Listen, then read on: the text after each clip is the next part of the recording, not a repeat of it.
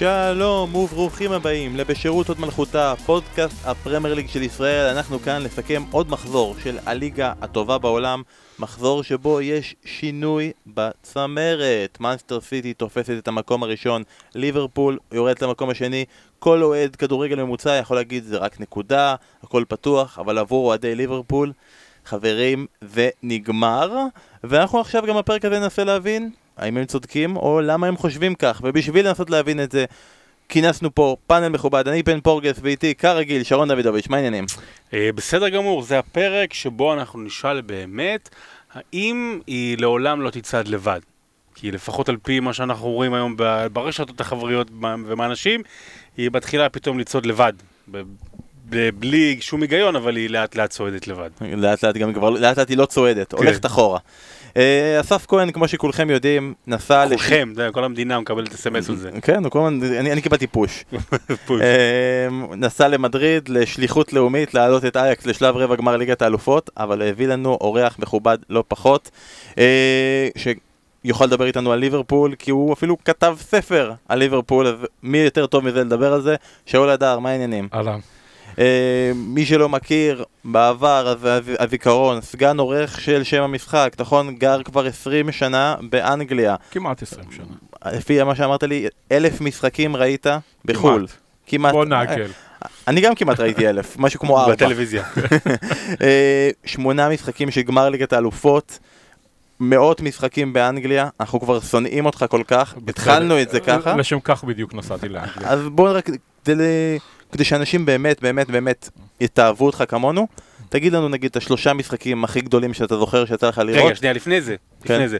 ספר לנו אתה, ככה בשביל המאזינים, טיפה, טיפה עליך מנקודת המבט שלך, כי אני, רק אני אגיד אני, אמ, קראתי המון מהטקסטים שלך כמובן בשם המשחק, סוף שנות התשעים, ההתאהבות הזו באמת עוד ועוד בליג, בפרמייר ליג, אז ככה, ב, ב, מי שבמקרה לא עקב מאז ימי שם המשחק, ספר לנו עליך קצת. אני ילד באר שבע, זכיתי לראות את שתי האליפיות הראשונות של שנות ה-70 במו עיניי.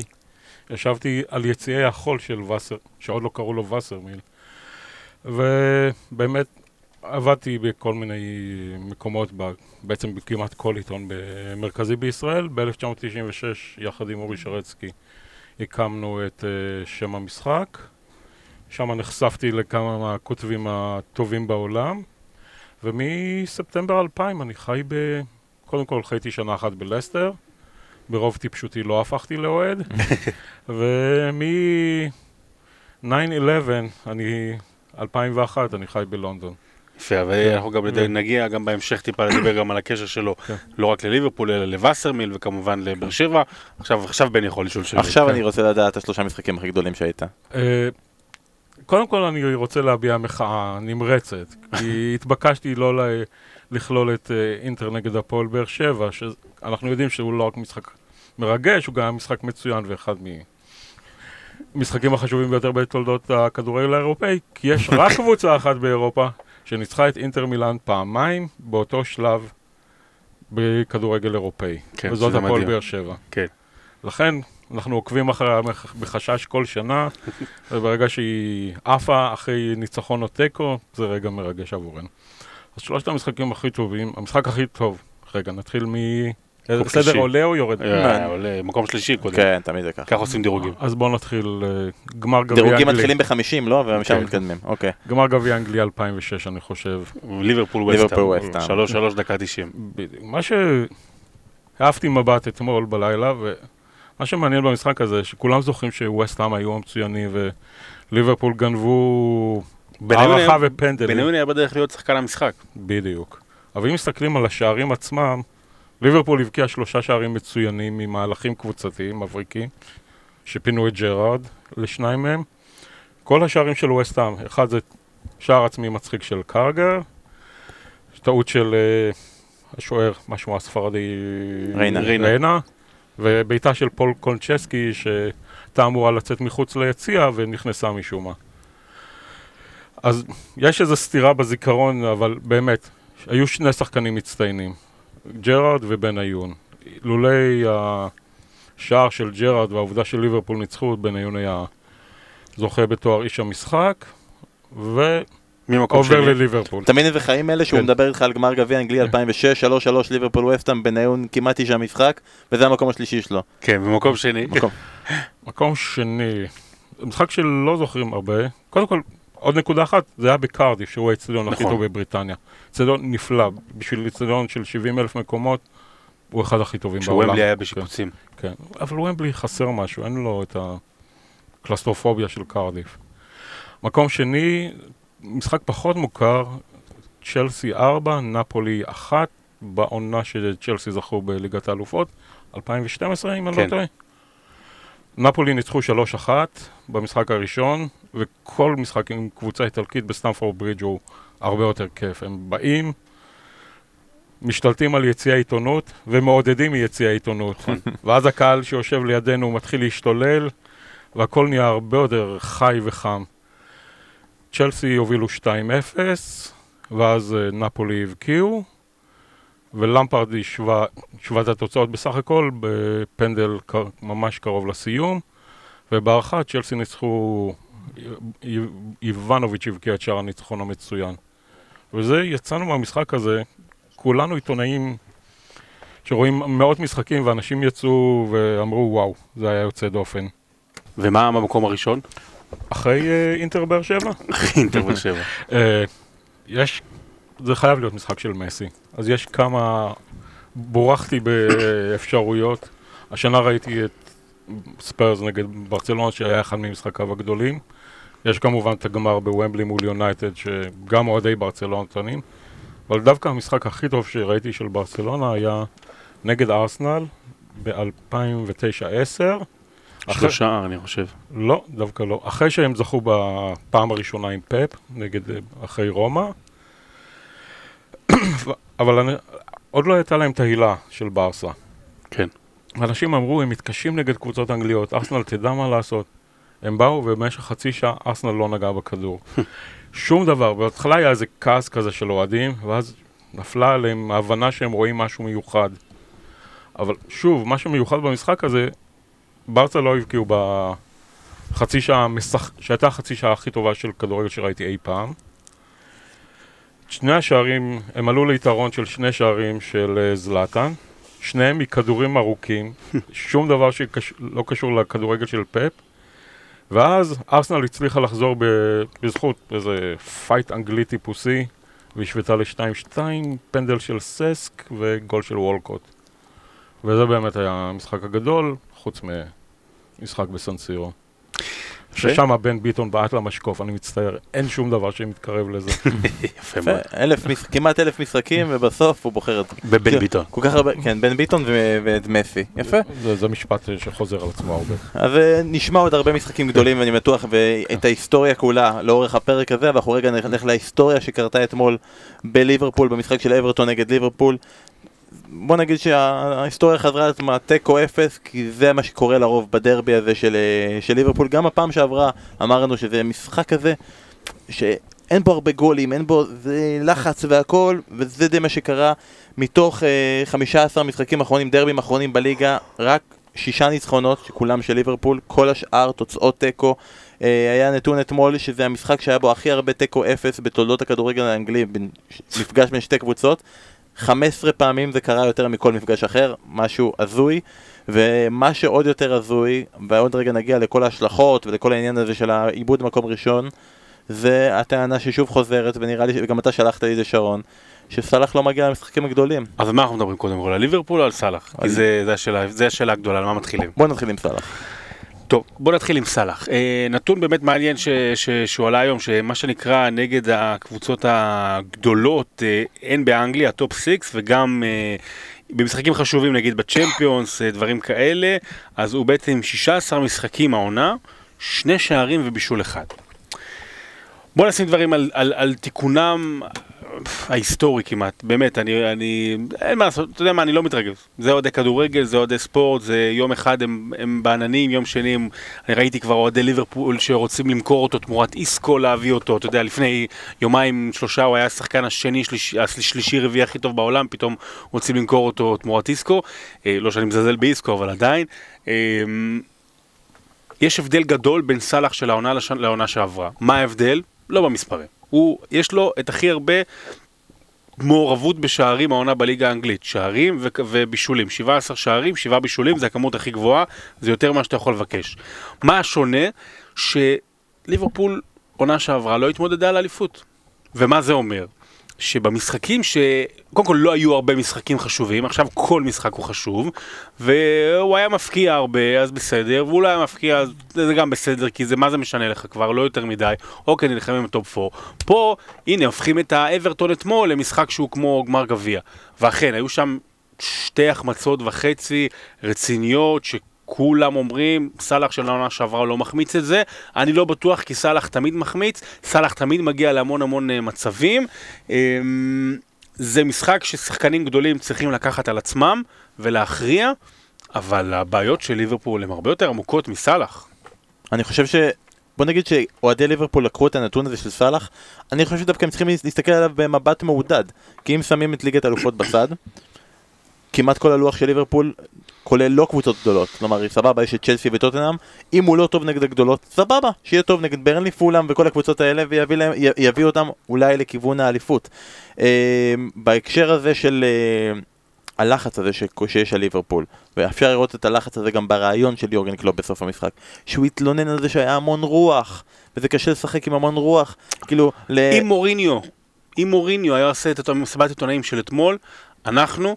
וכל מי שאנחנו מכירים היו שוחטים היום את מוריניו. זו הייתה הופעה מבישה במה שאנחנו מכירים מיורגן קלופ. גם התירוצים וגם הרוח וגם לא ככה ולא ככה, זה באמת הייתה הופעה מבישה של יורגן קלופ במסיבת העיתונאים. אתה מבין שבפעם האחרונה ששמענו מאמן אה, מתלונן על רוח, הדבר הבא שלו שהוא אמר זה שהיה חסר לו את ארנסט מבוקה, אתה מבין? כאילו זה, זה, זה, זה, זה ההקשר, אבל צריך רגע ללכת ל... לה... אתה יודע, אפשר, אפשר להסתכל על זה מבחינת השחקנים, אפשר להסתכל על זה מבחינת האוהדים. ליברפול כרגע ירדה למקום השני, היא רחוקה נקודה ממנצ'סטר סיטי, והתחושה פה, כרגע, בזה, שזה גמור, ושהם איבדו את זה, ושזה לא יצליח. אני רוצה לדעת ממך, כמי שחי באנגליה. וכתב את הספר וכתב... ליברפול חי ומוות, אני אחדד את מה שבן רוצה לשאול, באמת, האם כובד המשקל ההיסטורי הוא, הוא מה שמונח עליהם, והאם הכובד הזה הוא בלתי ניתן למסע? כן ולא. יש, יש משקל, יש, בתור באר שבעי אני זוכר את הלחץ הזה מ-2016 וגם ברק בכר אישר לי, יש תחושה של uh, now or never, שחייבים לעשות את זה השנה, אחרת מי יודע מתי תהיה ההזדמנות הבאה. והדוגמה הכי טובה, נסעתי למשחק נגד uh, ביין לפני שבועיים שלושה. פגשתי שם אנשים שאני מכיר, אוהדים ותיקים מאוד, שעזרו לי בכתיבת הספר. ושאלתי אותו מה ההרגשה ועד כמה זה חשוב, ואחת מהם, עיתונאית בטיימס, אמרה לי, ברור שרוצים לנצח ועולים בהרכב הכי טוב, אבל אם לא נעלה לשלב הבא, זה לא יהיה נורא. וזה משפט שהוא חילול קודש בליברפול, כי עבורם יש מושג של לילה אירופאי גדול, שהוא בסיס של אהדת ליברפול, שהוא מושך אנשים במיוחד, ועם כל הכבוד למשחקי הליגה, זה ה... ועוד נגד הגרמנים. בדיוק. ופתאום, וגם במלון פגשתי אב ובנו שהגיעו מברייטון למשחק אירופאי ראשון, וזה אמור להיות הלילה הגדול בחייהם, וגם הם אמרו, הליגה הרבה יותר חשובה. אז ברור שיש משקל פסיכולוגי עצום ומנטלי, והשאלה אם, אנחנו גם רואים סוג של עייפות, והשאלה אם היא עייפות פיזית או מנטלית או שילוב של שניהם. אני חושב שזה באמת עייפות כן. פיזית, זאת אומרת, בסופו של דבר אתה רואה דבר אחד ברור. אה, שקירי בתקופה לא טובה. ללאנה עולה מהספסל. ללאנה הוא לא שחקן של אה, סגל, עם כל אהבתי עליו ואהבתו של אסף אליו, הוא לא שחקן שיכול להשפיע על קבוצה שמתמודדת על אליפות. אה, פירמינו היה פצוע, אוריגי היה במקומו, לפי דעתי במשחק וחצי אוריגי היה מצוין, אבל אה, למנצ'סטר סיטי אין את פרננדיניו. כאילו כרגע, פרננדיניו פצוע, לפורט, אה, ז'זוס, השחקן הכי חשוב שלהם, הכי טוב שלהם בשנתיים האחרונות, דה בריינה, לא קיים. עזוב שהוא נפצע שוב, גם כשהוא נמצא, גם כשהוא הוא כמעט לא קיים, זה 20% דה בריינה, ובמקום הראשון בטבלה. עכשיו, זה עניין העומק שאתה מדבר עליו, כאילו, א', קודם כל, כל הכבוד למנצ'סטר סיטי ופפ גוורדיולה, ובאמת, להוריד את הכובע למה שהם עושים. א', ב', יש את העומק של המון המון שחקנים, וגם ליברפול מה שעשתה, ושוב יתחילו לדבר, ופה ושם, למה היא לא התאבדה להביא מישהו בחלון ההעברות האחרון של ינואר, או עוד איזה שחקן חיזוק לקישור, שזה היה ברור, אבל עדיין יש הבדלים גדולים מאוד, אז כן עייפות, כן עייפות מנטלית, אבל שוב, אה, אני לא יודע כמה מציוצים של אה, צייצן ישראלי או מפוסטים של אוהדי ליברפול בישראל מגיעים ליורגן קלופ או לשחקנים. אבל אני מניח שזה לא יותר מדי שונה ממה שקורה בליברפול עצמה ובאוהדי ליברפול בלונדון ובמקומות אחרים, והכל הכל מחלחל ככה למעלה למעלה לקבוצה ולשחקנים, וזה מאוד מאוד לא בריא. אני לא מרגיש אבל שיש אה, דגל לבן ואין סיכוי. אנשים מסתכלים על המשחקים שנותרו ושל סיטי הם הרבה יותר קשים, ויש עובדה מעודדת, אמנם אפרורית למדי, שליברפול לא סופגת. וזו הנקודה לא רעה לצאת ממנה לפוש אחרון. תמיד כן. כשתגיד אה, יש לכם את ונדייק, כן, זו נקודה כן. די אופטימית. אני רוצה להוסיף עוד נקודה אופטימית שלא תמיד מסתכלים עליה. אה, סבבה, ליברפול ירדה למקום השני. השב- השבוע הקרוב, לשתיהן יש אה, מפגשים ששתי הקבוצות צריכות לנצח, ליברפול פוגשת את ברנלי, אה, מנסטר סיטי פוגשת את ווטפורד. מחזור אחרי זה, ליברפול פוגשת את פולאם, זה משחק שחייבים להשיג נקודות, מנסטר סיטי לא משחקת. וזה יביא, את, אמור להביא את ליברפול, נכון, זמנית, למקום הראשון. היא אמורה, כביכול, לחזור מעמדת הנרדף, מעמדת ה... לא רק זה, יכול מאוד להיות שיהיו שני משחקים שהם לא ישחקו. סיטי גם ב-31, מחזור 31, גם מחזור 33 אם היא עולה לחצי גמר גביע. יש פה עניינים שם של אה, השלמות. נכון, וה- וההשלמה הזאת של המחזור הקרוב, ש- שיהיה חסר להם, המשחק נגד מנסטר יונייטד נקבע, אם אני לא טועה, 20 באפריל.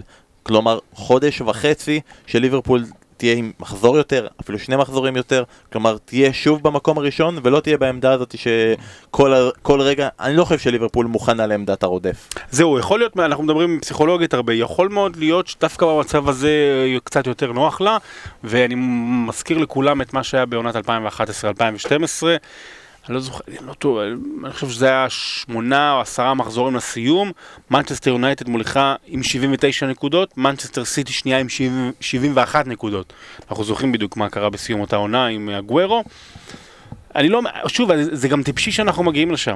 זה טיפשי שאנחנו מתחילים להגיע לסצנריו בסך הכל נקודה אחת, אבל העניין הוא שיש, שוב, ליברפול, אנחנו חוזרים על זה, לא שיחקה טוב כל העונה, כמעט. יש לה הבלחות, יש בעיה בקישור ההתקפי, זאת אומרת, לא, לא רואה מישהו שנכנס לעמדה הזאת של קוטיניו, שינהל, שייצור מצבים, אה, אבל בלי פאניקה, יש בריטניקה.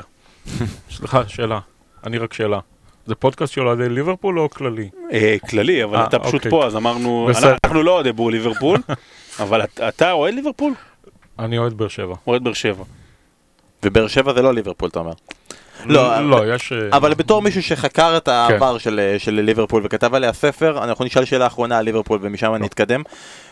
הרבה פעמים, גם הרבה פעמים אנשים אה, מגיבים ואומרים, זה לא ליברפול של פעם, זה ליברפול אחרת, זה ליברפול שהוציאה המון כסף, זה ליברפול שקנתה את הבלם הכי יקר בהיסטוריה. זה לא ליברפול המרגשת, שאנשים באים ואומרים שהיא הקבוצה הזאת שמגיע לה אחרי כל כך הרבה שנים לקחת את האליפות. בתור מישהו שעקב אחרי ליברפול במשך שנים וכתב עליה ספר, מה ההבדלים לדעתך, מי שעוקב, בין ליברפול הזאת לליברפול לא של פעם של אה, איין ראש ורוני רוזנטל, אלא של ה-20 ומשהו שנים האחרונות. היא פשוט הרבה יותר טובה. בפער עצום. אבל מבחינתך היא פחות מרגשת? פחות, אני- פחות נוגעת ללב? אני התחברתי להפועל באר שבע גם בלי שחקני בית. עבורי זה פחות חשוב. יש גם יתרון איכותי לשחקני בית, וגם מנהיגותיים, יש לך סטיבן ג'רארד בקבוצה. אבל ברגע אם יש לך את ונדייק, הוא עדיף על, ג'י, על קרגר למשל, מכל בחינה שהיא. אז הוא לא מדבר במבטא הסקאוזרי, שגם זה לא בדיוק חיסרון. ונק יכול לעשות הכל, יש מצב שגם את זה הוא יכול לעשות. בוא, בוא נקווה שלא זה. ו... אבל יש תחושה שהקבוצה היום היא הרבה יותר מודרנית, למשל אנפילד. כשהגעתי פעם ראשונה אחרי השיפוץ, די נדהמתי לטובה, כי עד אז הוא היה סוג של סמל ו... וקישר אה, את הקבוצה לעבר המפואר שלה, אבל זה היה אצטדיון מיושן, לא נוח לצופים, וגם אה, מבחינה כלכלית לא מספיק גדול. והם הפכו, הם שיפצו אותו בצורה הכי טובה שראיתי באנגליה. כיום היציא המרכזי באנפילד הוא הכי טוב באנגליה. רואים נפלא, אתה מרגיש מאוד קרוב, וכל התנאים למשל של העיתונאים מאיזה כוך צר שישבנו אחד על השני, עכשיו יש אולם מודרני, כל... ולאורחים ולמכובדים ומכונות הכסף למיניהם. וזו הדוגמה, זה מטאפורה לשינוי הגדול שהקבוצה עצמה עשתה. היא הפכה למודרנית, ויש לזה מחיר של ניתוק מסוים מסמלי. הרומנטיקה, כן, היא אמיתית או מזויפת? היא אמיתית לגמרי. כי כולם באים בטענות, אתה יודע, שיש שם יותר מדי שמלץ אולי טיפה, ויותר מדי, כאילו, לוחצים יותר מדי על העניין הרומנטי, שזה... זה האופי של הקבוצה, ויותר חשוב, זה האופי של העיר. ו- זה, זה נובע מתהליך היסטורי. תמיד אמרו לי כן. שליברפול זה עיר נורא רומנטית. כן, לנסוע שם. עם האישה. זה עיר, האנגלים אומרים שהיא סנטימנטלית, וזה כינוי גנאי נוראי בתרבות האנגלית, אסור להיות רגשן. אבל ליבר, ליברפול העיר, עיר הרבה יותר סנטימנט, סנטימנטלית ורגשנית מלונדון. זה מתחיל עם גלי ההגירה מאירלנד, עם הרעב הגדול, ותחושת עוינות כלפי המרכז, ו, וגם נגד האנגליות. וזה חלחל לשנות ה-70, שאז זה הפך למרד גלוי, כולל מהומות ברחובות, ומפלגה טרוצקיסטית שהשתלטה על המועצה המקומית. ואז פשוט היו מלחמות בלתי פוסקות עם ממשלת תאצ'ר. וזה הגיע לשיא עם אסון הילסבורו. כן. שהוא מעצב ה... הזהות הליברפולי החשוב ביותר.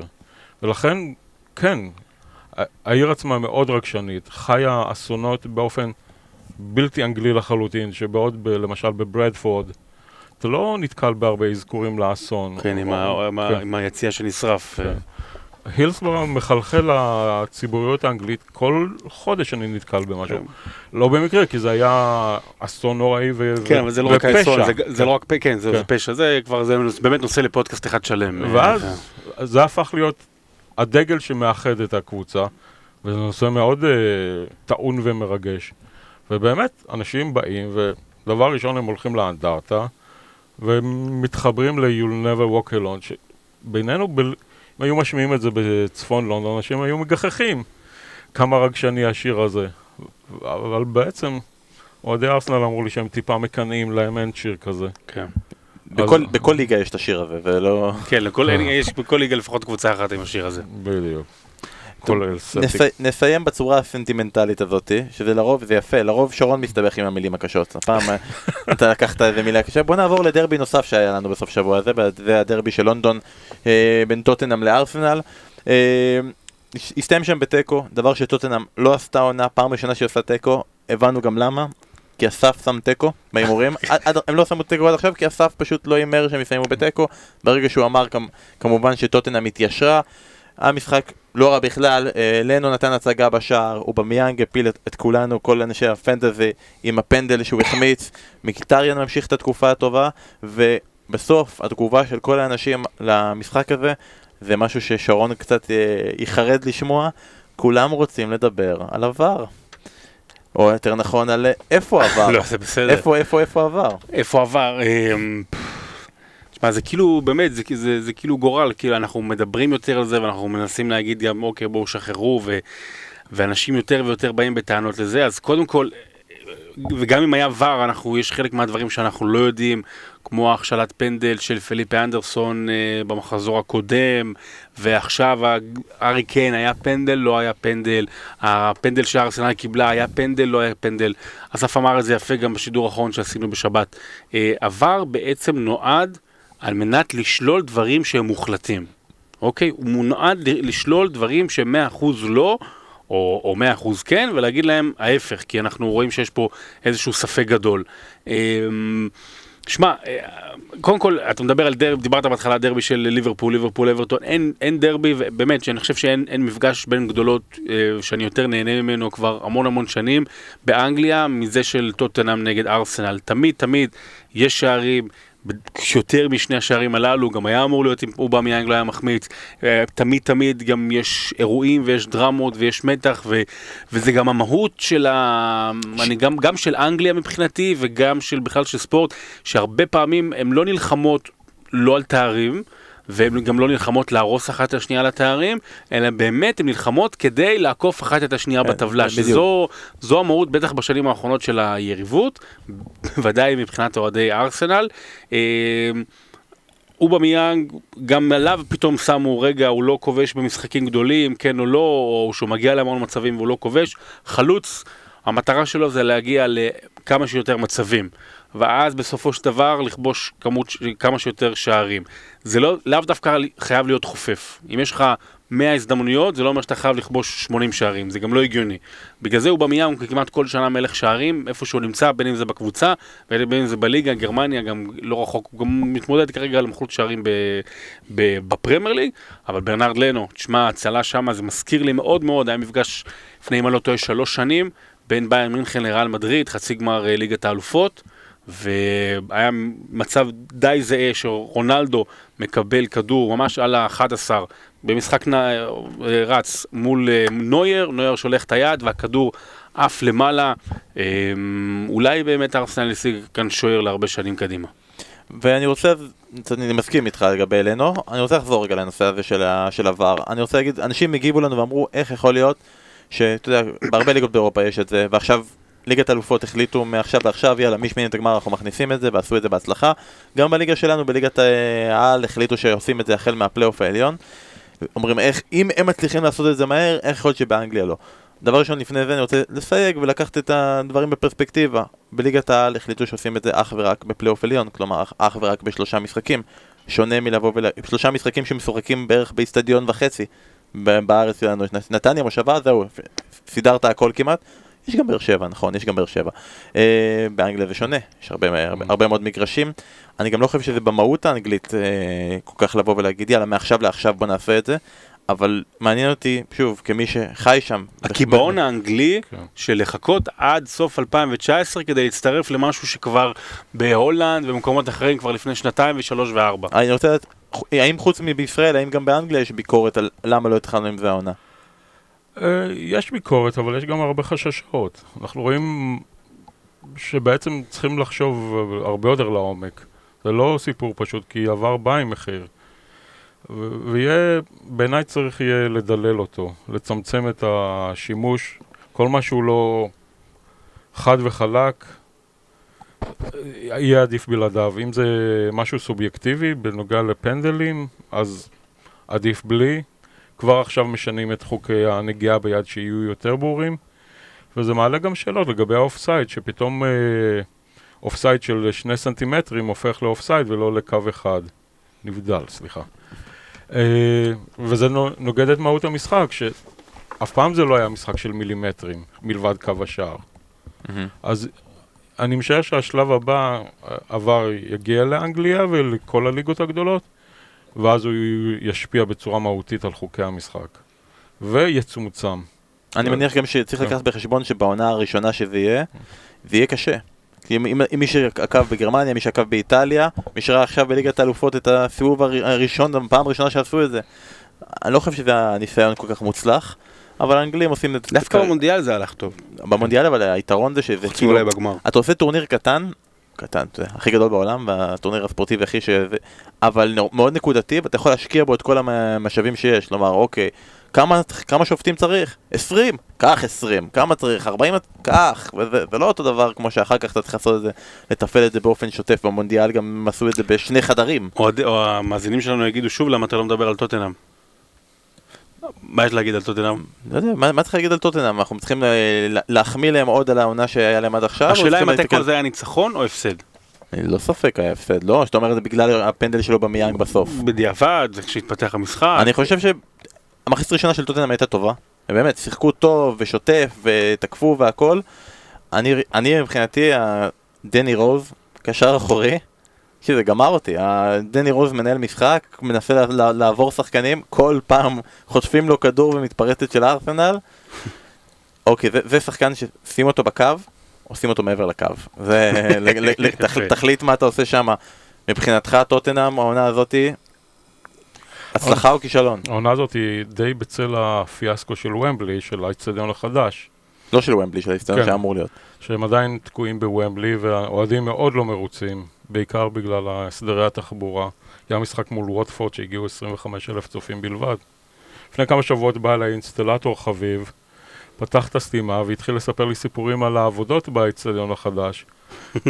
הוא זה. שעושה את הפתיחת סתימות שם. בדיוק, אז שופ... שופכים שם כסף, אין פיקוח, כל דבר הם דופקים משמרות אה, שלישית ורביעית על ארבע שעות עבודה, אנשים מריצים סמים, לא פלא שיש עיכוב כזה. אני אגיד את זה כן. לצופים שלנו, קצת מי שראה סופרנוס, איך הם שמה, אה, מה שנקרא, מנהלים את משמרות העבודה בבנייה, אז זה בערך ככה. זאת אומרת, מישהו יושב ומישהו אחר עושה את העבודה, ומעבירים כרטיס. בדיוק. בוא נאמר שהאיש עבד מ-8 עד 12 בלילה, כי בתור אינסטלטור הוא צריך שהאתר יהיה ריק.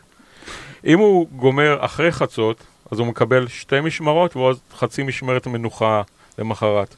באופן פלא, כל המשמרות שלו נגמרו ב-12 וחצי בלילה. כנראה זה שזה מקרי רכש- בגלל זה בלבד. אין רכש לטוטנאם. כן, אבל סך הכל, הקבוצה הסתדרה עם ומבלי, למרות האי נחת. פוצ'טינו עושה קסמים, אבל בכל זאת, הם משחקים עם יורנטה בחוד. זה תעודת עניות, אני מצטער, הוא אמנם הבקיע מול דורטמונד, אבל יש בעיה עם זה. לא יכול להיות שקבוצה שרוצה להתמודד על תארים, או שעם שאיפות כל כך גדולות תשחק עם יורנטה. השאלה הגדולה שטוטנהאם צריכה לשאול את עצמה מה, מה, מה הלאה. אוקיי, אוקיי, עכשיו top 4 תצטרך להתמודד, תגיע כנראה לרבע גמר ליגת אלופות אם לא יותר, אבל, אבל מה? מה, מה, מה, היא- מה היא מוכרת לארי קיין כדי שיישאר מלבד הביתיות והרומנטיקה? מה היא מוכרת לאריקסן שיישאר? מה היא מוכרת, נגיד שיש לה כסף, מה היא מוכרת לשחקן גדול שיבוא אליה?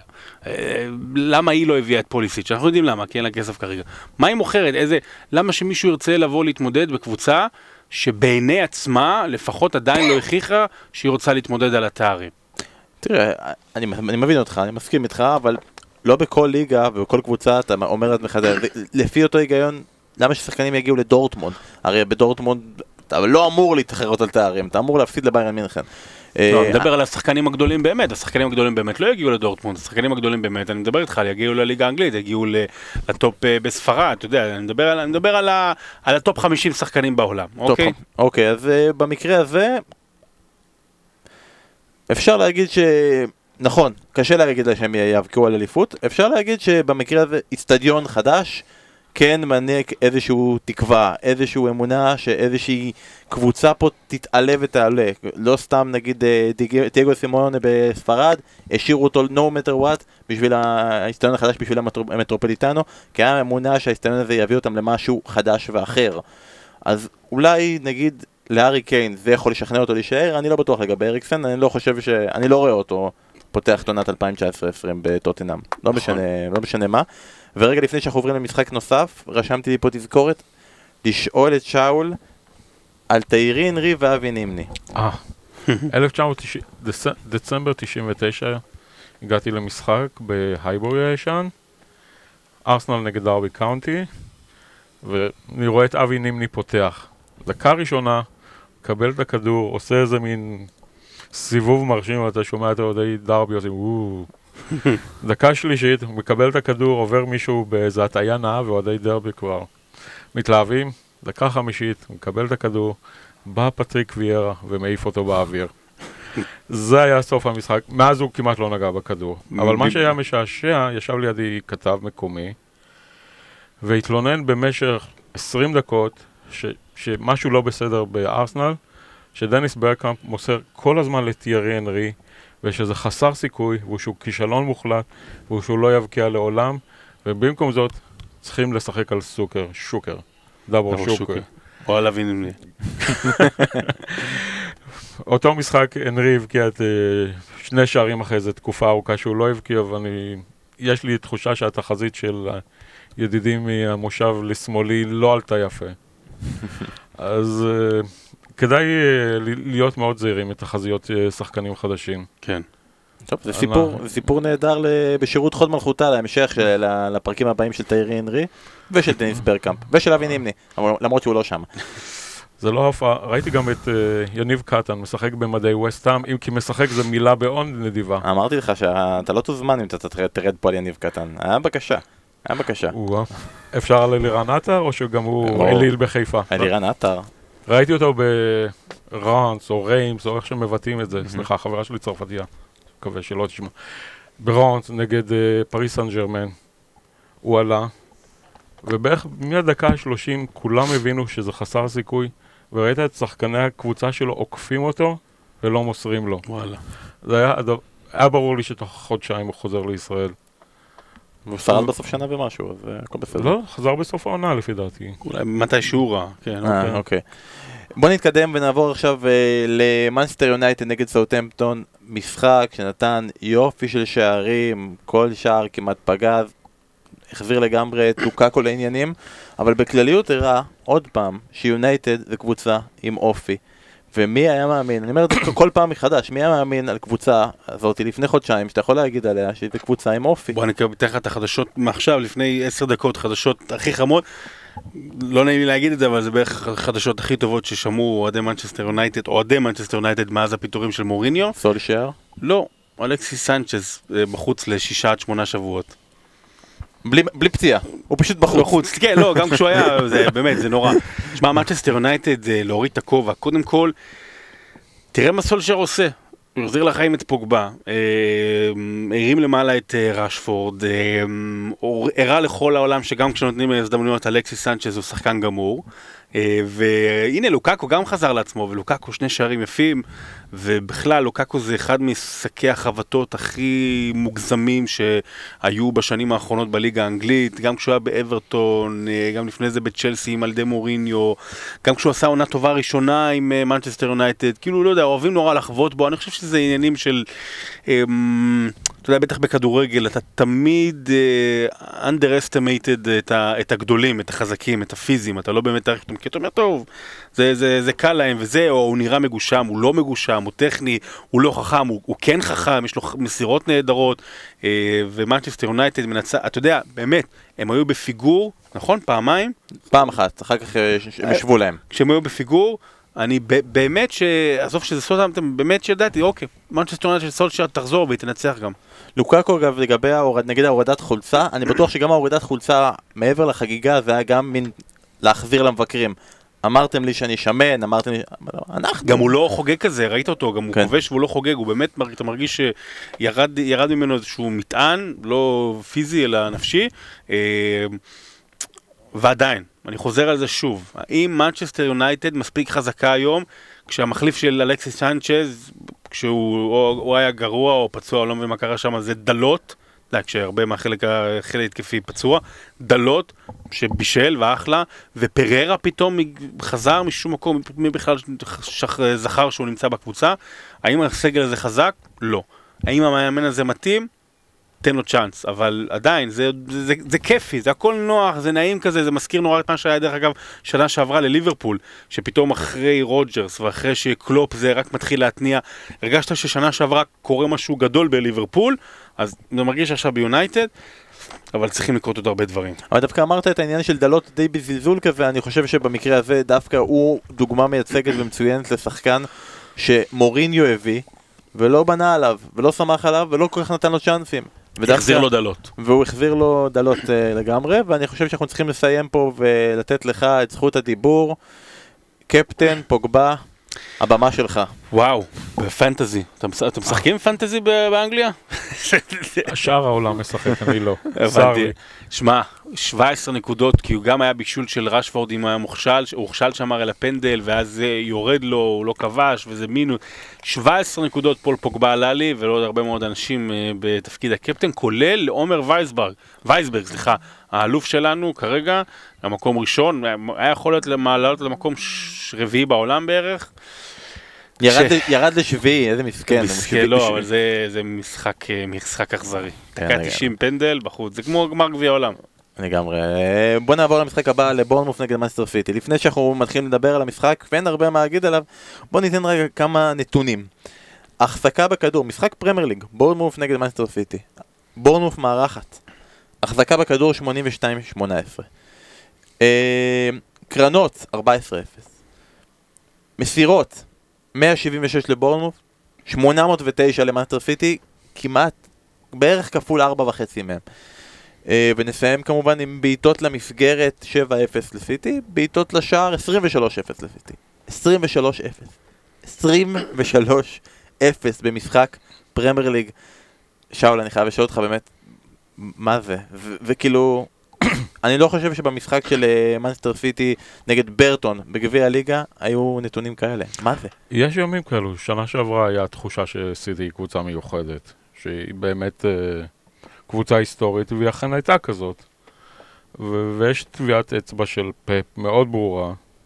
יש את הכסף הגדול ואת חוקי הפייר פליי. אגב, יש לי, יש לי הרגשה שאם דיברנו על אה, עכשיו או לעולם לא, זה בערך ההזדמנות האחרונה של סיטי. לזכות בליגת האלופות, כי אני לא בטוח שהיא תתחרה שם בעונות הקרובות. בגלל ענייני פייר פליי. כן. ההפרות שלהם הן שיטתיות, מאורגנות וחסרות בושה. אז... שזה אגב די הגדרה של פיפ"א וופא, אז אני מאמין שיהיה בסדר. כן, זה לא ברור בעד מי אנחנו פה. אגב, במשחק אתמול ב... בגודיסון פארק, אה, יש פסקול אה, של לפני המשחק, חצי ממנו היה שירים של אואזיס. וזה לא היה במקרה, זה היה. אצבע לפרצוף, לעין של ליברפול. אבל לא של הביטלס, למרות שהם היו אוהדי אברטון. יפה. אה, לא, אנחנו יכולים לפתוח... אה, פול מקארטני הפך להיות אוהד אברטון. אז זה אומר שהוא היה כן. אוהד אברטון. לא ממש, בהופעות שלו הוא מוכר אה, חולצות כחולות עם הכיתוב נו, מקארטני. אבל אין עדויות היסטוריות שבזמנו הם היו אוהדים פעילים. היו פעילים בכמה דברים אחרים. לגבי מנצ'סטר סיטי, אני חושב שצריך להגיד גם את העניין הזה ש... היה לליברפול את, ה, את השחקנים שהם הסיפורים הנקודתיים, כמו אמרנו, הסטארידג' הזה מול צ'לסי, האוריגי מול, אה, מול אברטון, ולסיטי קצת היה חסר את זה, ואני חושב שלאט לאט זה מתחיל להיבנות, בעיקר בניצחונות הקטנים האלה, שפתאום המאחרז הזה, שכבר לא כל כך הצליח, ועלה ופתאום נעלם, נותן את הגול הקשה הזה עכשיו נגד בורנוף, ומשיג להם את הניצחון, והגוארו אוקיי, הגוארו, כאילו, ועדיין, למה, למה קשה לנו להתחבר לזה? נטו רק בגלל ליברפול? זו הסיבה היחידה שקשה לנו להתחבר לזה? לא, לא, לא, לא, לא, זה כל אחת שהייתה מתמודדת מולם. אמ, שמעת למה? בגלל, אה, ש- בגלל כסף גדול מדי, למרות שעוד פעם, זה, זה די טיפשי להסתכל עליהם על כסף בעולם המודרני, כי יבואו ויגידו, רגע, ליברפול הוציאו כל כך הרבה כסף בקיץ האחרון, ולפני זה על ונדאי, אבל מצד שני, הם מכרו את אה, קוטיניו, עזבו, לא רוצה להיכנס לזה, אבל כשאתה שומע על הפרות, עוד פעם, לכל אדם יש אה, מנגנון חיים, יש מעגל חיים. אתה מתחיל, אתה קודם כל תינוק, אתה אחרי זה ילד, אתה נער מתבגר, אתה לאט לאט צומח. ויש איזושהי תחושה שזה היה גם עם צ'לסי המון שנים, אבל גם זה לאט עבר. גדלים ו- מהר מדי? ועוד יותר מהר מנצ'סטר סיטי, סטייל פריז סן ז'רמן, לייפציג בגרמניה, שזה לא, לא, לא, לא מצליח עד הסוף, אה, שיש פה משהו שהוא מלאכותי. וקשה מאוד לאנשים להתחבר לקבוצה מלאכותית, זאת אומרת, לאוהד הניטרלי היה הרבה יותר קל להתחבר למנצ'סטר סיטי של פעם, שתמיד אה, חלמה להוציא נקודות ממנצ'סטר יונייטד, ושאחד המשחקים הכי גדולים שלה זה עדיין השלוש אחת בניצוחו של אייל ברקוביץ' על מנצ'סטר יונייטד, שהיא רק עלתה ליגה, עם וואנצ'ופה שם, וכשאואזיס, אתה יודע, הלהקה שהיא תמיד מייצגת איזה משהו אחר, כאילו ברוח נעורים, אז היא אוהדת אותה, היה לך הרבה יותר קל להתחבר לזה, מאשר לכסף הגדול של היום. אה, האם זה. האם זה נכון? כל אחד יחליט בעצמו. האם זה חכם? אה, לא, אבל בסדר, ספורט והתאהבות בספורט זה, זה עניין די טיפשי. אגב, גם אוהדי סיטי עצמם לא מתחברים לעניין של ליגת אלופות. אצטדיון לא מלא, ובעוד של ליברפול, אם נלך לרבע גמר שנה שעברה, אין ספק שאנפילד נתן להם שער או שניים ודחיפה עצומה. האצטדיון של סיטי במשחקים גדולים. חצי ריק. בוא, אולי אה, לא, לא מלא ושקט מאוד. הייתי שם במשחק מול ברצלונה בשלב נוקאוט ונדהמתי. ודיברתי עם עיתונאי שהוא אוהד, והוא אמר שזה משפיע. הם מאבדים, את ה... אין להם יתרון באיטיות בעצם. אז, אה, ו... ואלו שמגיעים עסוקים יותר אה, להשתיק את ההמנון ליגת האלופות מאשר אה, לעודד. טוב, אמרנו, אמרנו פעם שבמתחם אימונים של מנצ'סטר סיטי יש להם כזה מכונות רעש שאמורות לדמות כאילו את המון האוהדים. נכון, זאביק זאביק סיפר לנו שאצל הנוער. שיעבירו את זה לבוגרים, ישימו את זה שיעשו בית רעש. אחד. אני רוצה במשחקים הנוספים, כמה מהם לגעת ממש ממש בנקודות קטנות, כי אני רוצה להתקדם. אני רוצה לשאול אותך, נגיד פולאם פגשה את צ'לסי, עדן עזר הפך להיות, אה, לדעתי, השחקן השלישי. אני רוצה לדבר על צ'לסי. אוקיי, אז, אבל נתחיל עם זה. עדן עזר הפך להיות השחקן השלישי שמגיע ל-50 שערים ו-50 בישולים בצ'לסי, אחרי למפרד ואחרי דרוגבה, כמעט פרוגבה יצא לי, אה, ועדיין, למרות שהוא השלישי, אף אחד לא אפילו חושב להגיד שהוא באותו לבל כמוהם, למרות שהוא הביא אליפויות, למרות שהוא סחב את הקבוצה הזאתי לפרקים אפילו לבד. למה זה? זה קטע, זה נורא מעניין, כי יש, זה באמת, זה, זה הפוך, כי אז הצ'לסי ההיא הייתה צ'לסי של כסף גדול, אבל אה, הייתה צ'לסי סוחפת, זאת אומרת, באמת היה לך איזשהו עמוד שדרה, וגם יש כל כך הרבה רע לצ- לצד הטוב של עדן עזר, אתה רואה מה קורה. אה, סיפור קפה לא היה מתרחש אם אה, הכוכב הכי גדול של הקבוצה היה מישהו אחר שהוא לא עדן עזר. זה מה שנקרא רוח המפקד. אבל אני רוצה להגיד כמה דברים על סארי ובאמת על מה שקורה. Uh, הבחור נרא... לאט לאט נראה לי מתחיל לגדל ביצים, סליחה על הביטוי. Uh, תראו, אנחנו היללנו אותו בהתחלה על מה שהוא עשה בנפולי. אני קטלתי אותו uh, בהגזמה לפני חודש אחרי כמה הפסדים ועם בורמוט והכל. ואני עכשיו uh, מוריד את הכובע ואומר לו וואלה, הוא, הוא מנסה לעשות פה משהו. תראה מה קרה. Uh, הוא הוציא משחק קודם את עדן עזר דקה 60, אתמול דקה 70. עזר מוחלף, זאת אומרת, פרדו נכנס במקום עזר, לא במקום וויליאן, פתאום, רגע. אה, ז'ורג'יניו יצא, פעם ראשונה, קובצ'יץ' נכנס במקומו עוד פעם, זה נראה לנו דברים קטנים, אבל זה דברים שהוא לא עשה לפני. קפה, הושיב אותו, החזיר אותו חזרה. אה, נתן משחק טוב. נתן משחק טוב, אז אתה אומר לעצמך, רגע, אולי, אולי, ודרך אגב, וגם בן מיטלמן ידידנו אמר לי שנורא הגזמתי עם קפה, ושאמרתי שהוא צריך ללכת הביתה ולעוף. הגזמתי, אולי, אולי הגזמתי באמת, אבל אני כן, אתה יודע, כאוהד אה, אוהד של ערכים, אני, לא, אני חושב שהוא עשה משהו שנוגד ערכים ספורטיביים, אבל בסדר, מה אני, ואני גם לא אוהד צ'לסי, אז לא משנה מה אני אומר. אבל אני אגיד דבר כזה, שאולי הזעזוע הזה אה, יעשה משהו טוב, בוודאי לסארי ואולי בהמשך לצ'לסי, כי זה יוציא את הכל החוצה, זה יוציא את... מה זה כמו שאתה חולה. אתה חולה, לקח את הכדור, אה, כל ה... בלילה אתה מזיע, אז כל הסדינים אה, מלאי זיעה ו- ולא נעים, אבל זה תחושה מגעילה, אבל הבראת. אז יכול להיות שהזעזוע הזה יעשה משהו טוב, בעיקר לסארי, שיגיד לו, אה, ככה משחקים פה באנגליה? אין בעיה, בוא נשחק את המשחק.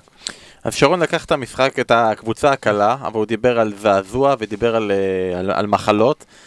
בוא ניקח את זה לצד השני, לצד של פולאם, שגם הייתה, אה, פה היה שם איזה זעזוע וסוג של מחלה. ראניירי פוטר והחליף אותו סקוט פארקר, שאנחנו זוכרים אותו דווקא מתקופות טובות. ספיידרמן, לא?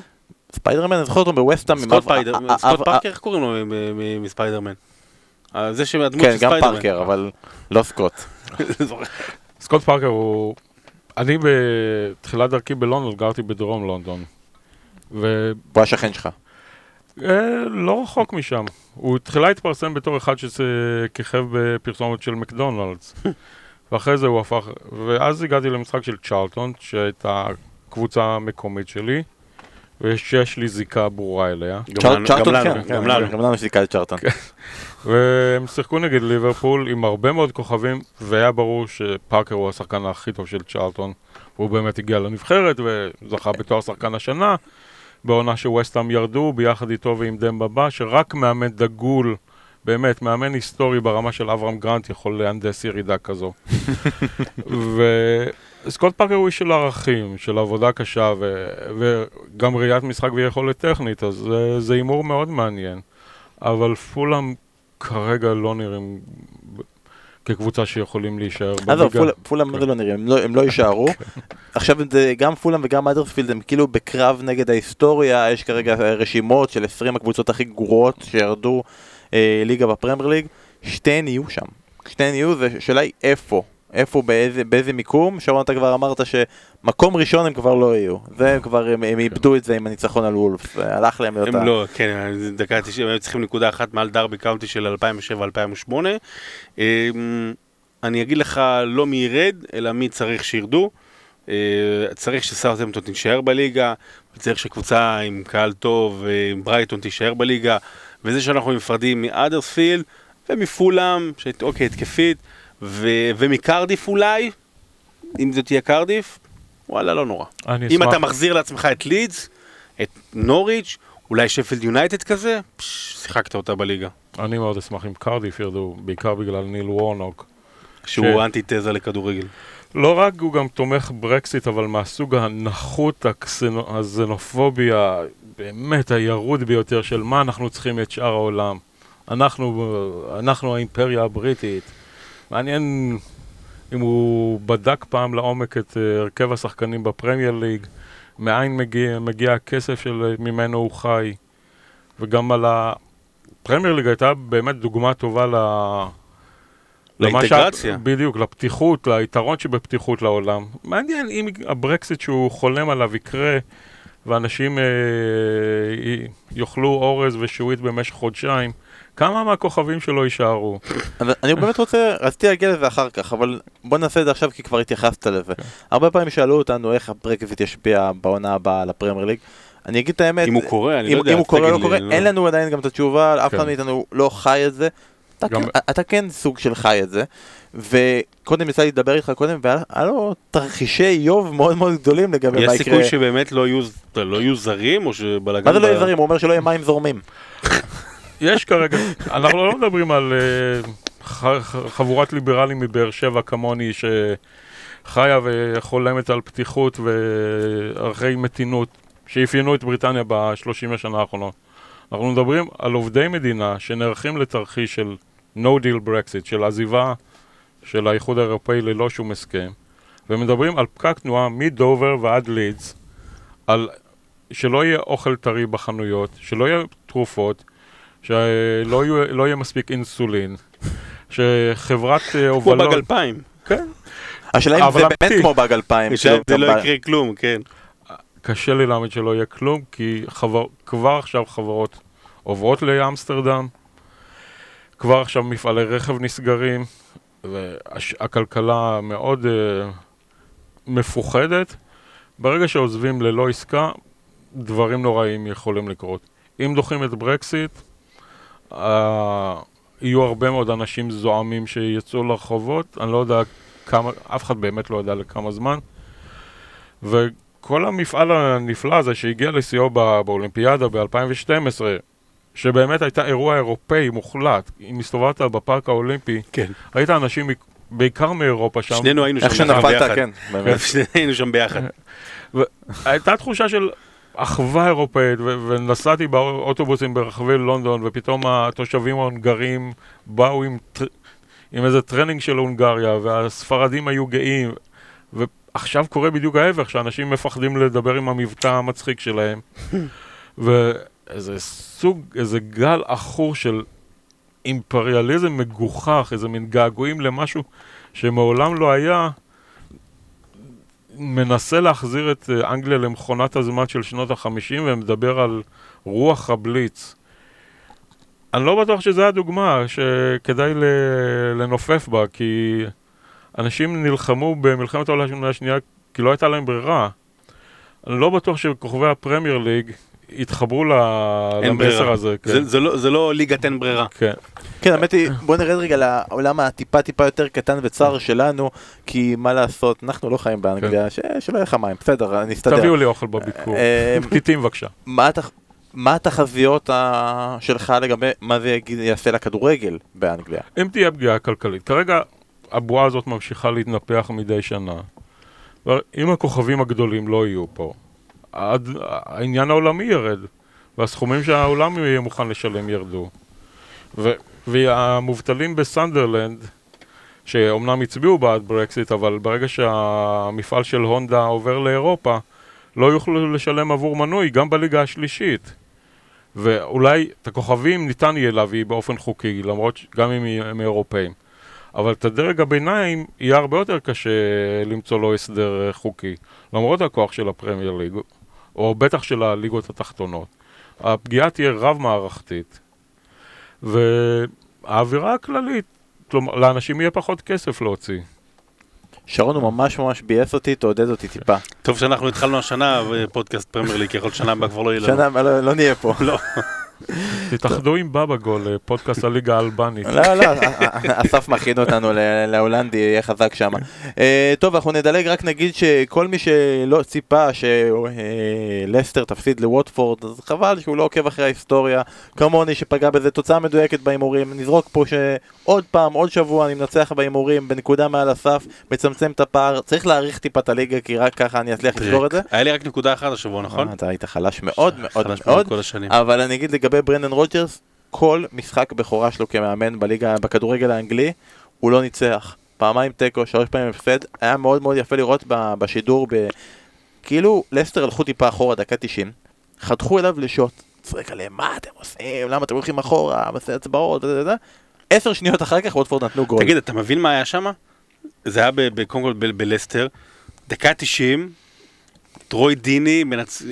עם בישול, מבשל, אבל מנצח את לסטר, זה בערך, בערך אה, חוזר לרגע, אחורה. אחד, הרגע, אחד הרגעים הכי גדולים בתולדות הכדורגל, עם הניצחון ההוא של ג'אנפרנקו זולה. אתה, אתה אומר. שצ'לסי הייתה אחר כך נגד פולאם, זה היה השוט הראשון שהיה צריך אחר כך לראות את זולה נדהם.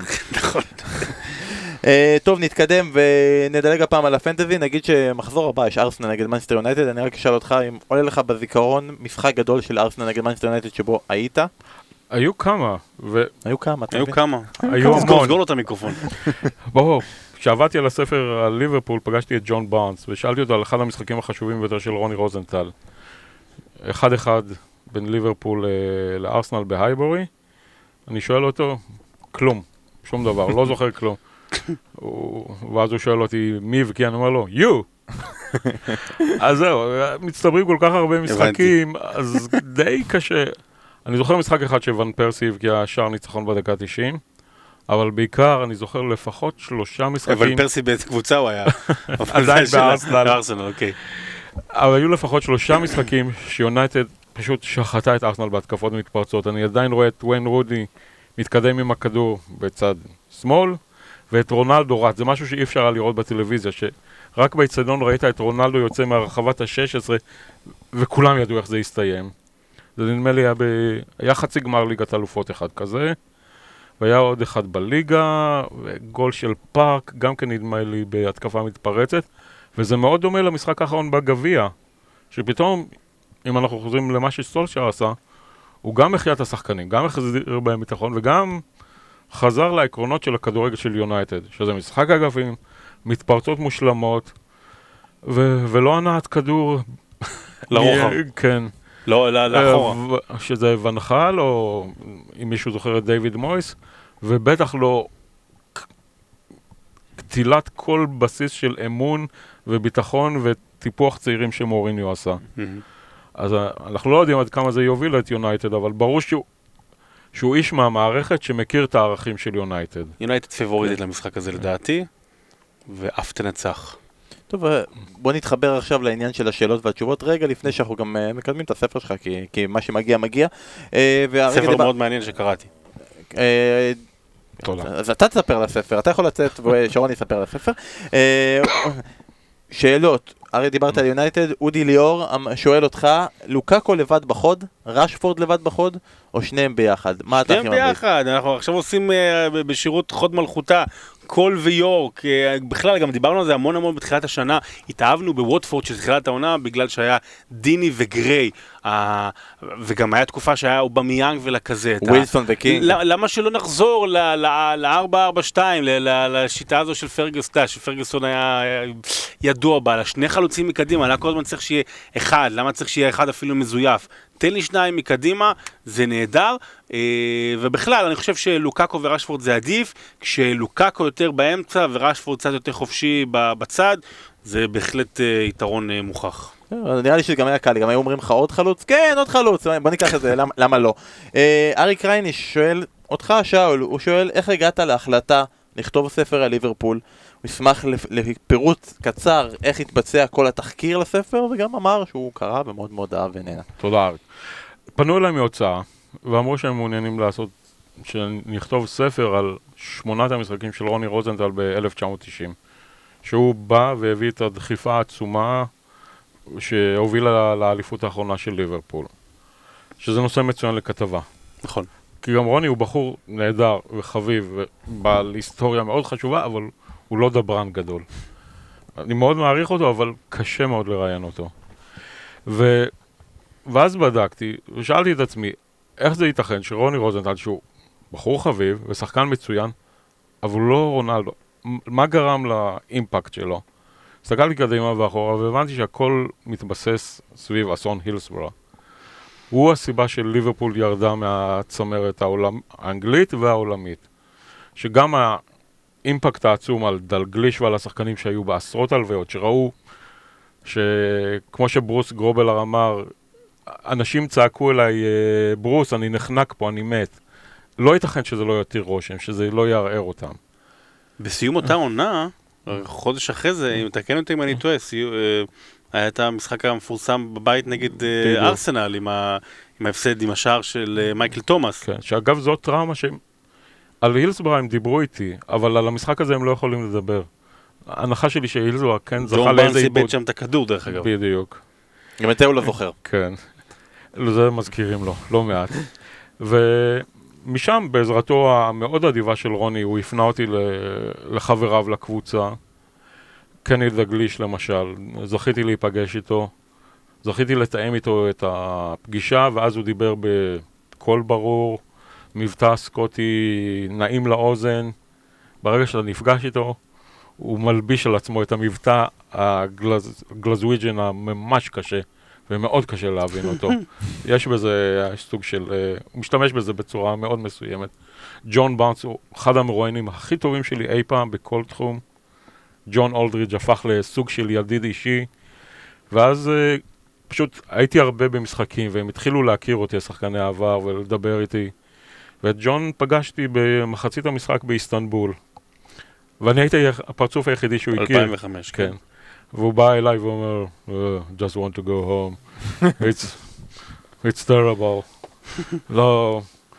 גם הוא לא האמין. אם, אם המשחק הזה היה במרכז העיר, הוא היה יוצא. פשוט זה היה בהרים שם על גבול אה, קווקז. ואז אחרי הפנדלים וזה, הוא הגיע אליי ואמר, This is Liverpool. אה, אבל הנקודה המרכזית, לפני כמה חודשים יצא ספר על הטקטיקה של הפרמייר ליג מאת בחור בשם מייקל קוקס, בשם The Mixer, שזה ספר לא רע, ופרק הפתיחה הוא מצוין, והוא מסביר את ההשלכות של האיסור להחזיר את הכדור ברגל על השוער לתפוס את הכדור ביד. מ-92. מה, מונדיאל- כן, לא, שנייה. מונדיאל 90. כן, לא, זה מ- מ-90 זה מ-92. בעקבות מונדיאל 90. בעקבות מונדיאל 90. יש הסבר טקטי מאוד יפה, כתוב מצוין. ואז הוא טוען בסוף שזו הסיבה של ליברפול ירדה מגדולתה.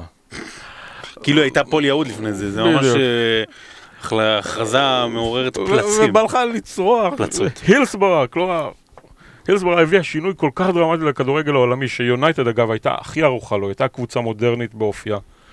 וליברפול הייתה קבוצה משפחתית מוכת טראומה. וברור שמאז נוצר הפער הגדול הזה.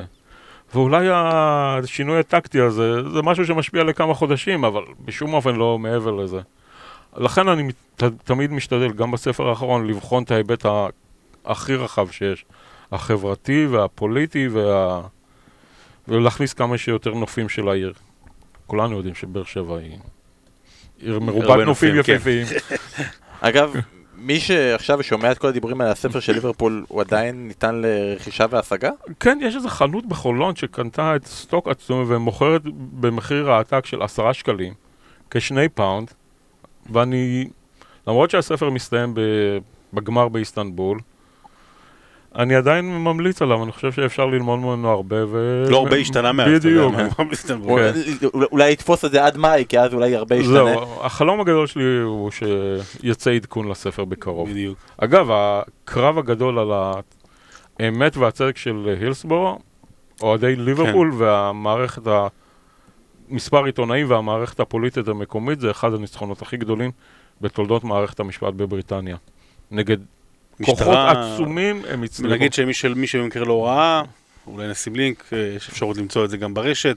הסרט הדוקומנטרי, שגם דרך אגב אני לא טועה זכה באוסקר, סרט דוקומנטרי על אסון הילסבורו, חובה.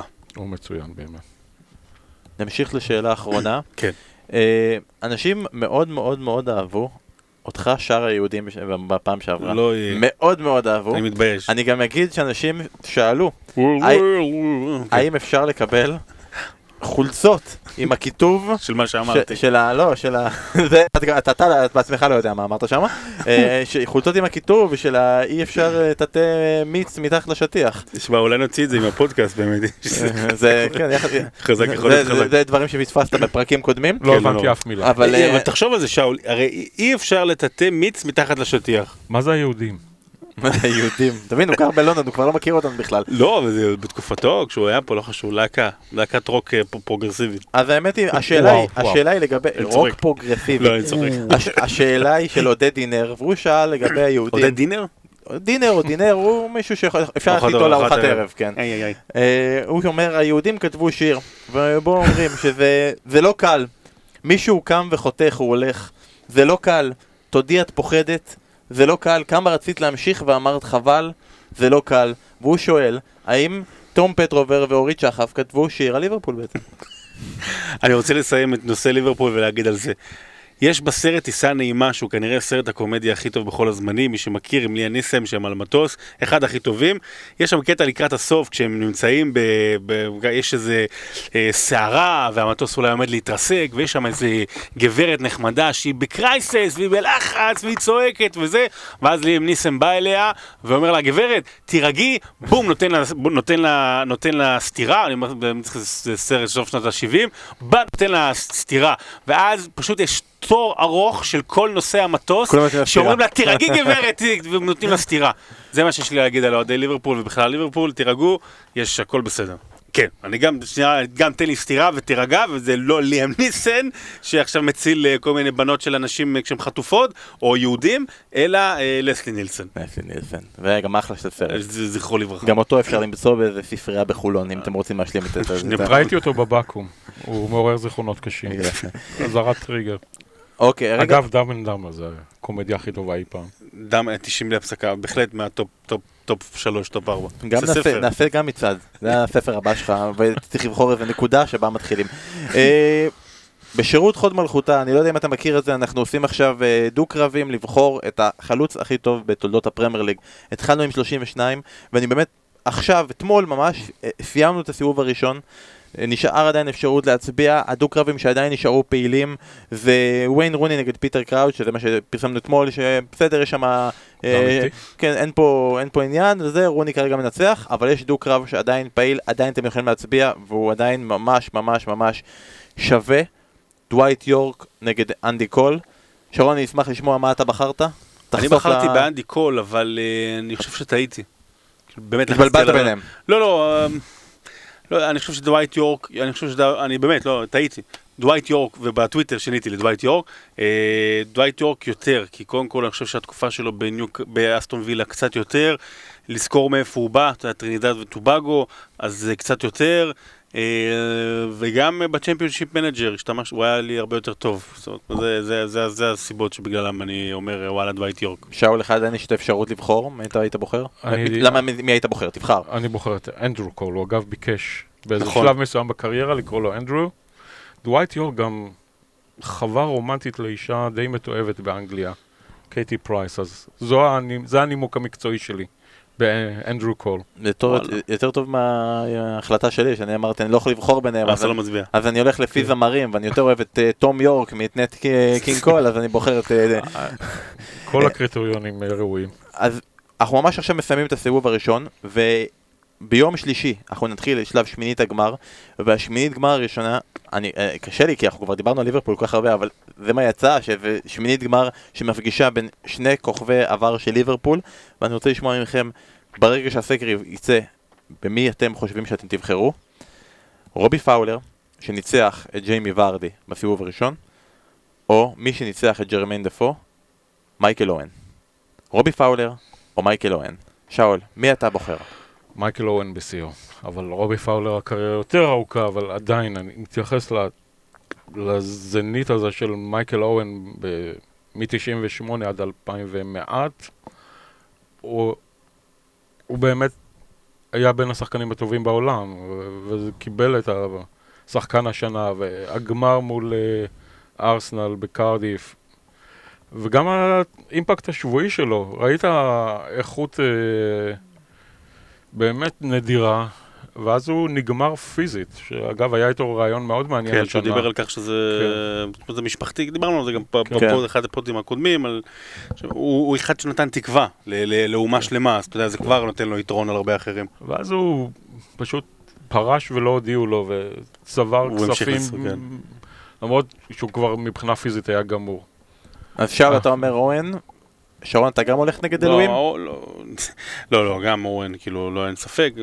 לא, אל תגיד אין ספק, כל הזמן התלוננו שדברים, אה, שהסיבוב הראשון היה נורא קל, והבטחנו שעכשיו לא, יהיה אין הכי ספק קשה. מבחינתי, אין ספק מבחינתי. אני גם לא אוהב את התגובה של אוהדי ליברפול, גם חבר'ה צעירים, כאילו, שהם נורא יורדים על מייקל אואן, כי חלילה הוא הלך לשחק במנצ'סטר יונייטד, באמת, זה נראה לי ילדותי על סף המטופש, אני חייב לומר, וגם אני רואה כל מיני שמות גנאי, באמת, באמת, באמת נוראי, כאילו היחס למייקל אואן, כי הוא הלך לשחק במנצ'סטר יונייטד בסוף הקריירה, שהוא ניסה להראות לאנשים שהוא כן יכול לשחק, אתה יודע, הוא כבר באמת היה גמור. זה חלק מהדברים שאני לא אוהב בספורט, אז רק בשביל זה אני רוצה שהוא יעלה. אז אה, החל ממחר אתה לא תוכל רק לרצות, תוכל גם לנסות להשפיע, וכמובן, אתם עדיין מוזמנים להצביע כרגע לדווייט יורק או אנדי קול, או סתם לחלק עוד, אה, עוד, עוד טיפה קולות לוויין רוני בדרך לניצחון שלו על פיטר קראוץ'. דבר אחרון, כי הבטחנו וכי אנחנו רוצים, יש כרגע ספר שלך שאתה מנסה, שאתה הוצאת, ואני מחזיק אותו פה. אני מחזיק אותו פה ביד, אתם לא רואים את זה, כי אתם מאזינים לנו, זה גם מצחיק נורא שאנחנו כל פעם אה, מנסים לקדם ספרים פה בפודקאסט, אנשים רוצים להבין, הם לא רוצים לקרוא. אבל אה, הם יאזינו לנו, ממליצים להם לקרוא את הספר הפועל באר שבע ביוגרפיה, שמספר את הסיפור של הפועל באר שבע והזכייה שלה באליפות, אבל כמובן מהזווית האישית שלך, כמישהו שגם חי רחוק, והיה מגיע למשחקים הגדולים. אני ראיתי שיצ... אה, שיש שם אפילו סיפור על כך שבמשחק אליפות של הפועל באר שבע, אתה היית בגמר הגביע האנגלי, נכון? כן, במנ- הייתי... במשחק של מנצ'סטר יונייטד נגד קריסטל פלאס, שנכנס להארכה, וישבת בוומבלי, בהארכה, גמר גביע אנגלי, וראית בפלאפון את המשחק של הפועל באר שבע. לא, לא, בלפטופ. בלפטופ, אוקיי. מסך טוב, צריך לראות. האמת קיוויתי שיהיה 3-0 לאחת משתי הקבוצות ואני אוכל לברוח בדקה ה-85 ולעלות לטיוב ולהגיע הביתה לשריקת הפתיחה. זה לא קרה. התחילה הערכה וסכנין הבקיעו ואז אה, בוזגלו השווה ואז ברגע שקט במיוחד, שלא קרה בו כלום על המגרש, שהקהל היה שקט, מליקסון הבקיע. ואז ביציע העיתונאים המזרחי, יש שני יציעי עיתונאים, איזה מישהו צעק במבטא מצחיק, יס, וחצ... כחמשת אל... אתה רואה גול של הפועל באר שבע שהביא לך אליפות ואתה צועק יס? אני כבר עשרים שנה, אלף משחקים. וחמשת אלפים איש מסתובבים עליי, ואז אמרתי, it's, it's our title game, ואנשים אומרים, אוקיי, אוקיי. הבינו לרוחי. הייתי בעוד כמה משחקים. שאנשים צעקו בלי קשר. ואני הייתי יחסית רגוע. זה, המשחק המרגש האמיתי של אוהדי באר שבע הוא מול בית"ר ירושלים, שני מחזורים קודם. זה המשחק ההיסטורי שלנו, שהזכרנו שהייתי בשמונה גמרי ליגת אלופות, שבעה מהם הייתי מוכר תמורת המשחק נגד בית"ר. ו... אני ש- אני אשאל אותך, כן. אוקיי, כל הפועל באר שבע, אני אומר לו ומצפה ממנו וכדאי לו לקרוא את הספר. אני רוצה שתגיד לי, למה זה ספר מעבר לאוהדי הפועל באר שבע? למה כל חובב כדורגל או כל חובב ספורט מומלץ לו לקרוא את הספר הזה? אני אתעלה פה באילנות ממש גבוהים, ניק הורנבי ופיבר פיץ'. קטונתי. אה, זה תרגום בעברית לפיבר פיץ'? קדחת אג, המגרש. אגב, הגיע הזמן לתרגום, התרגום הראשון היה מזעזע. הספר, קראתי אותו, ואומנם אני חי בטריטוריה של אוהדי ארסנל, אבל אני לא אוהד ארסנל, והוא כן דיבר אליי. יש דברים אוניברסליים ב... בקשר בין אוהד והקבוצה שלו, וגם עבורנו כישראלים ב... ביחס של המרכז והממסד לבאר שבע והנגב. יש הרבה נושאים כלליים. אני אתן אה, המלצה קטנה, באמת, אפרופו הספר. אה, זה לא נעשה בשיתוף, זאת אומרת, רשמי עם המועדון או לא. משהו כזה, לא. היה, היה ספר שיצא לא מזמן, אה, כמעט במקביל, אפילו טיפה לפני, שאבינועם פורת, עיתונאי מכובד, מוערך המון המון שנים בידיעות אחרונות, הוציא עוד כמה, אה, עוד כמה עיתונאים גם כן ותיקים הוציאו. סוג של מטעם המועדון, זאת אומרת, הם עזרו, וזה יותר כמו, נגיד, איזה אלבום למזכרת. הוא טוב בדברים שהוא טוב, פחות טוב בדברים שהוא פחות טוב, וגם קיבל כזה הוקרה מטעם המועדון. הספר הזה לא, לא יבואו אליו ויגידו בואו עכשיו לטקס מיוחד, וזה מה שמיוחד, כי זה אה, נטול פניות, זה באמת מנקודת מבט אישית, מעניינת מאוד, גם מבט, נקודת מבט עיתונאית, אני עוקב אחרי דברים ששאול כותב המון המון זמן, היה כיף לקרוא את זה, וזה לא מחויב, ובגלל זה אתה הרבה יותר מתחבר לזה, וזה גם ברמה אה, ככה יותר... אה, אתה יודע, באמת, היה איזה שלב שחשבתי לכתוב, יש ז'אנר כזה של, קראתי למשל באיסטנבול על, דרך עיני השחקנים ורפה, וניסיתי ליצור קשר עם המועדון, ולסוף לשמחתי, הקשר היה מאוד מצומצם, בעיקר שיחה עם ברק שהיא מאוד חשובה לספר, ונותנת לי את התובנות של מישהו, מב... של האיש הכי שהוא מבפנים, אבל דיברתי גם עם מישהו שכתב ספר על לסטר סיטי, אחינו ל-2016. ושאלתי אותו איך אתה מסתדר בלי עבודה, בלי שיתוף פעולה, והוא אמר, היו כמה ימים שנתנו לי גישה, אחרי שבוע זה נגמר, ובעצם זה עדיף. אתה לא חייב כלום, אתה, יש לך מספיק דיטאצ'מנט, מרחק מהמושאי הספר, ונותן לך חירות עצומה שהיא שווה קצת יותר מאשר עוד מידע פנים. שאלה אחרונה ובעצם החשובה ביותר, איפה אפשר להשיג את הספר לכל מי שרוצה? כל החנויות המובחרות והפחות מובחרות, חנות המועדון של הפועל באר שבע בימים הקרובים, וגם אה, דרך אתר הוצאת בבל, גם בהנחה וגם במשלוח מאוד זריז. מומלץ בחום, הפועל באר שבע ביוגרפיה של שאול הדר. אגב, אני לא יודע אם זה, זה משפט שראיתי עכשיו בריאיון שלך, ונחקק לי ממש בראש, שרשמת, אמרת בו שמבין הדברים הלא חשובים בחיים, כדורגל הוא הדבר החשוב ביותר. אני מניח שאתה חייב להגיד לי שזה ציטוט של מישהו אחר שאמרת, יכול להיות? חושב שלך, אה, כי זה... אנחנו כבר לא יודעים, אנחנו קוראים הרבה וכותבים הרבה כדורגל. אינטרטקסטואליות לגמרי. הפריחה הגדולה של באר שבע ב-2015-2016 הייתה במקביל למחלה של אמי. שזה שני האירועים הכי דרמטיים שקרו לי בשנים האחרונות. מצד אחד, האירוע שהכי חיכיתי לו מבחינת חיי הכדורגל שלי, והאירוע שהכי חששתי מפניו. וביחד זה יצר איזה מין עוצמה דרמטית לכל משחק. וככה, אז אנשים, יש את הקלישה הנוראה והלא נכונה של זה נותן פרופורציות לכדורגל. שכביכול כדורגל הופך להיות לא חשוב, בדיוק ההפך. זה הפך את העונה הזאת ואת האליפות הזאת להכי חשובה יותר. בחיי. כל משחק הייתי שם, כלומר כשהייתי בישראל או שעקבתי מרחוק, ורק אני משער שהייתי יותר נרגש ויותר חרד מכל אדם אחר, אבל מבחינת החשיבות וגם ההנאה, זה היה אותו דבר בדיוק, והאליפות הזאת והתקופת התור הזהב שאני קורא לו, של שלוש שנים, מאוד אה, עזרו לי בחיי להתמודד עם האבל ו... וגם היה סך הכל כיף, לכן היה גם כל כך כיף לכתוב את הספר הזה, כי הצטברו אצלי חומרים, והרגשתי שבתור בן אדם ש... סך הכל מה אני עושה כאן? אני כותב על כדורגל. אני לא יכול שלא לכתוב על הנושא הזה. כן. והתגובות, סך הכל של חבריי האוהדים מאוד מחממות לב, אם כי הייתה תגובה של מישהי אחת שאמורה לדעת יותר, אני לא אחשוף מי, שהייתה אמורה לדעת על הספר ולפרטים, ו... ושאלתי אותה מה, מה דעתך, והיא אמרה שהיא לא שמעה עליו, ושאלתי איך זה יכול להיות, ואז היא אמרה, הרבה רושמים ספרים. כלומר, כל שבוע יוצא ספר על הפועל באר שבע. אז זה גם המסר שלי לשרון. הרבה רושמים ספרים. אני לא יודע מי זו, אבל אני סתם מנחש, ו... ויקשר אותי לשאלה שרועי זילברשטיין שואל, והוא שואל על מה, מה אתה חושב ומה דעתך על המעבר של אלונה ברקת לפוליטיקה. אולי היא גם זו שאמרה על העניין עם הספר, מי יודע, אתה לא חייב להגיד, אבל מה דעתך על המעבר שלה לפוליטיקה, ועזוב, פוליטיקה יש פוליטיקה. זה, זה לא הנושא פה, מה דעתך, ואיך, מה זה אומר ומה זה משפיע על גורל המועדון. ואז אנחנו מבטיחים משם, חוזרים להיות אנגלים לגמרי, לגמרי. לא, אלונה תרמה תרומה עצומה, זה לא רק הכסף, היא לקחה מועדון רקוב, והבריאה אותו והחייתה אותו, והפכה אותו למועדון שברגע שהיא התחילה להזרים אליו את הכסף, היא יצרה את הבסיס שהפך אותו למועדון שיכול להתחרות על תארים. ולהתמודד באירופה בהצלחה ולנצח את סן סירו, שזה באמת המשחק הכי גדול שראיתי בימי חיי. בן ביטון, משקוף.